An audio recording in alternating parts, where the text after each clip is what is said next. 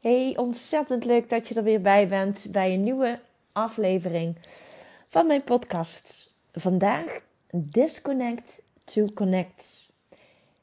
Ik zit in een uitdagende periode op dit moment. Er gebeurt eventjes van alles, met name in mij. Aan aanleiding daarvan is dat onze jongste June, ze is bijna vier, ze gaat bijna naar de basisschool. En ik merk dat dat van alles teweeg brengt bij mij.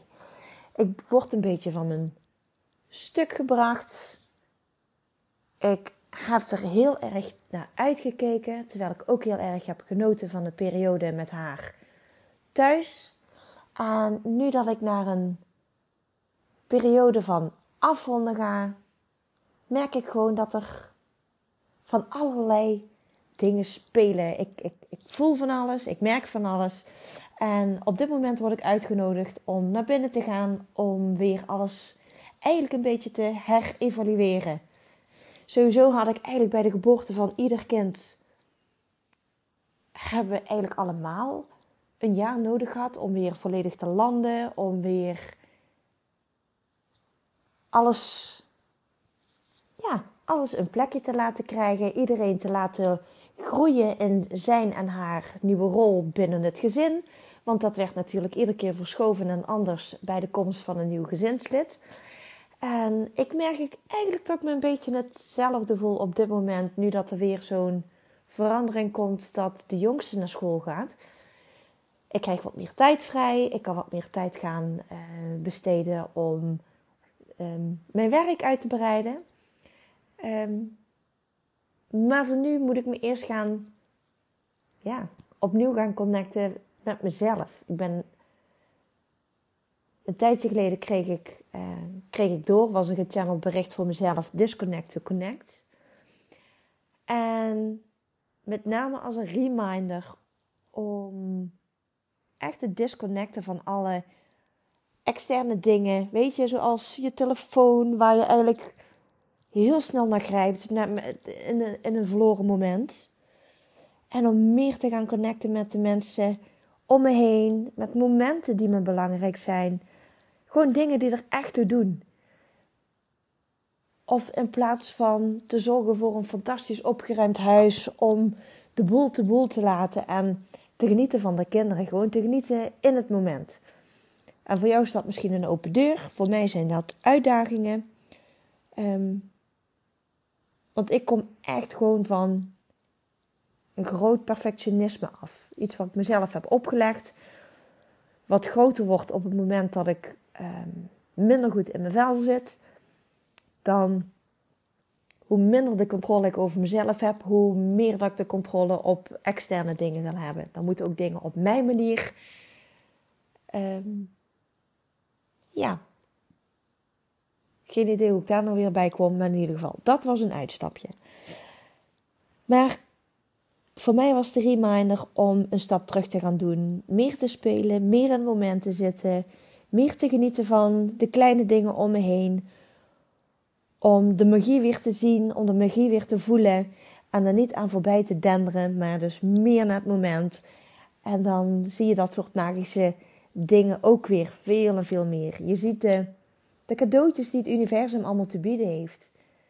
De signs die ook op je pad worden gestrooid om je ja, een bepaalde richting op te sturen, om je helderheid te geven.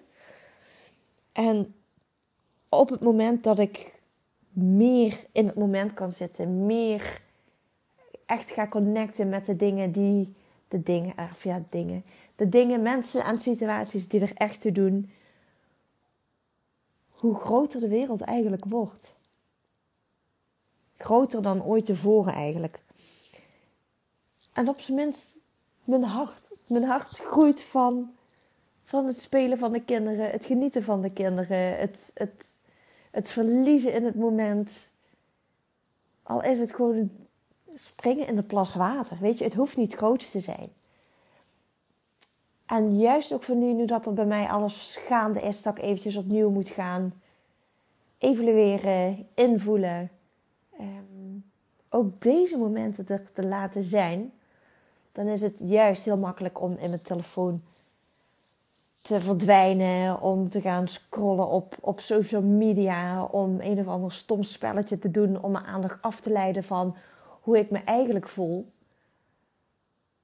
Terwijl ik er ook steeds vaker voor kies om, als ik bijvoorbeeld wel even alleen thuis ben en als het moment het toelaat, om me echt te verliezen in het moment.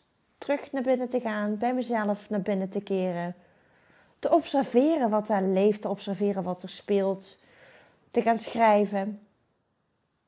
Om inzichten te vragen. Um, ook aan mijn Miracle Tribe. En te gaan schrijven van wat speelt er nu, wat, wat voel ik, wat ervaar ik. Dus in plaats van in alles te schieten wat, wat zo verleidelijk is. De telefoon, maar net zo hard huishoudelijke taken of andere dingen die je moet doen. Verleidingen als bijvoorbeeld snoep, een hele zak chips, om je daarin te verliezen en je ook daarmee te kunnen verdoven. Um, meer naar binnen, lekker dat warm bad pakken, lekker die telefoon aan de kant laten. Gewoon zijn in het moment, zijn in het gevoel zijn en dat misschien niet altijd alles oké is. En ook dat te kunnen laten zijn voor wat het is. En ja. En het allermooiste is gewoon, als je het mij vraagt, om je te kunnen verliezen met de kinderen. Gewoon lekker in het moment. Genieten van elkaar. Een zelfgemaakt spel spelen. Een sneeuwpop maken die nog groter is dan jezelf in de, in de sneeuw. Dansen in de plassen water lekker tekeningen maken, spelletjes maken, tekenen op de ramen met, met, met krijtstiften. Briefjes voor elkaar achterlaten, elkaar verrassen, elkaars haren doen, elkaar make-uppen. Of lekker samen in bad gaan zitten of whatever wat. Disconnect to connect was een bericht van mij en wellicht ook voor jou. Ik wens je nog een hele mooie dag. Ciao.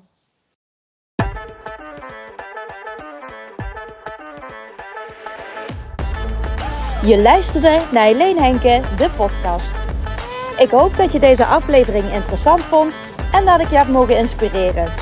Mocht dat zo zijn, dan ben ik je enorm dankbaar als je deze podcast volgt, een review geeft op Spotify of op iTunes, of deze aflevering wil delen op Instagram en me daarin tagt. Daarmee kan je weer anderen inspireren en ik kan zien wie er luistert. En dat vind ik super leuk. Dankjewel!